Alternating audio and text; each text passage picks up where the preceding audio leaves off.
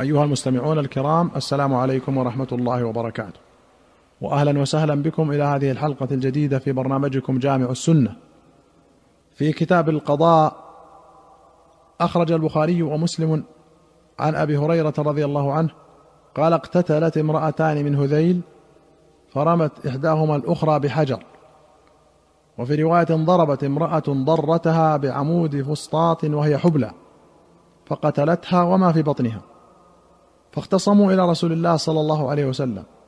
فقضى أن ديه جنينها غرة عبد أو وليدة. ثم إن المرأة التي قضى عليها بالغرة توفيت. فقضى رسول الله صلى الله عليه وسلم بأن ميراثها لبنيها وزوجها وأن العقل على عصبتها. فقال ولي المرأة التي غرمت يا رسول الله كيف أغرم من لا شرب ولا أكل ولا نطق ولا استهل؟ فمثل ذلك يطل. فقال النبي صلى الله عليه وسلم إنما هذا من إخوان الكهان من أجل سجعه الذي سجع. ولهما مثله عن المغيرة بن شعبة. قوله غرة عبد أو وليدة ضبط بتنوين غرة وما بعده بدل منه وأو للتخيير لا للشك. والوليدة الأمة وكنا بالغرة عن الجسم جميعه والعقل الدية. وقوله يطل أي يهدر ويبطل فلا يطلب له ثأر ولا قود ولا دية. قال العلماء إنما ذم سجعه لأنه عارض به الشرع وتكلفه. أما ما لم يكن به معارضة للشرع ولا تكلف فليس بمذموم.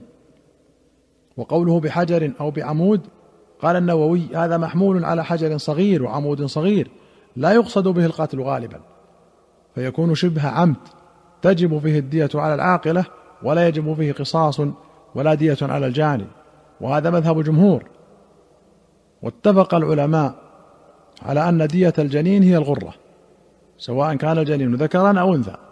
والمعتبر عندهم أن تكون قيمتها عشر دية الأم أو نصف عشر دية الأب وسواء كان خلقه كامل الأعضاء أم ناقصها أو كان مضغة تصور فيها خلق آدمي ففي كل ذلك الغرة بالإجماع. ثم الغرة تكون لورثته على مواريثهم الشرعية. هذا كله إذا انفصل الجنين ميتا. أما إذا انفصل حيا ثم مات فيجب فيه كمال دية الكبير. فإن كان ذكرا وجب مئة بعير وإن كان أنثى فخمسون وهذا مجمع عليه. وسواء في هذا كله العمد والخطأ. ومتى وجبت الغرة فهي على العاقلة لا على الجاني. هذا مذهب الشافعي وأبي حنيفة وسائر الكوفيين. وقال مالك والبصريون تجب على الجاني وقال الشافعي وآخرون يلزم الجاني الكفارة وقال بعضهم لا كفارة عليه وهو مذهب مالك وأبي حنيفة والله أعلم.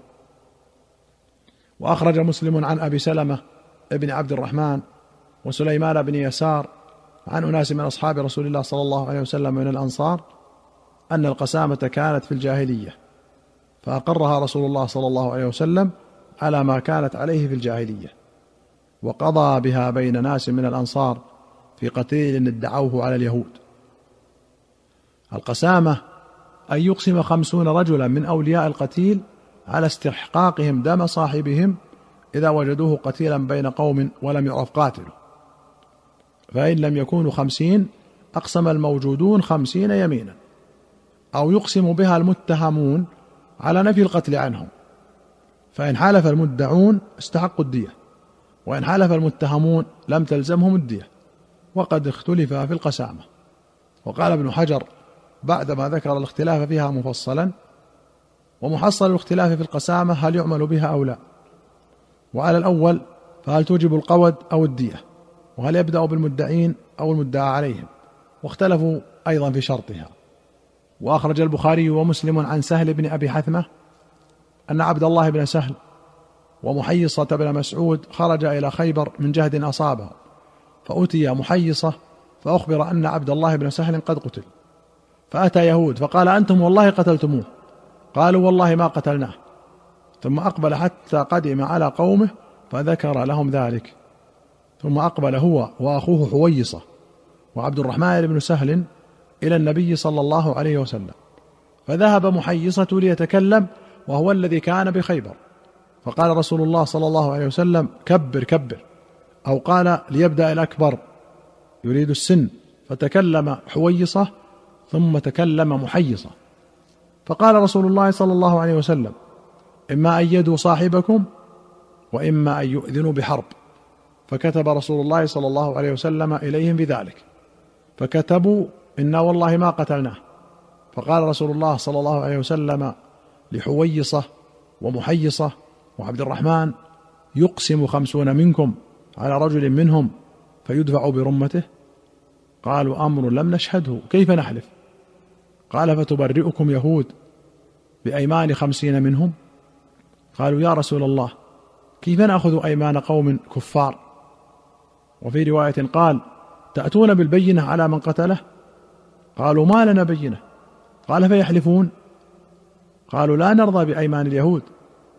فكره رسول الله صلى الله عليه وسلم أن يبطل دمه فوداه بمائه من إبل الصدقة فبعث إليهم مائه ناقة حمراء حتى أدخلت عليهم الدار.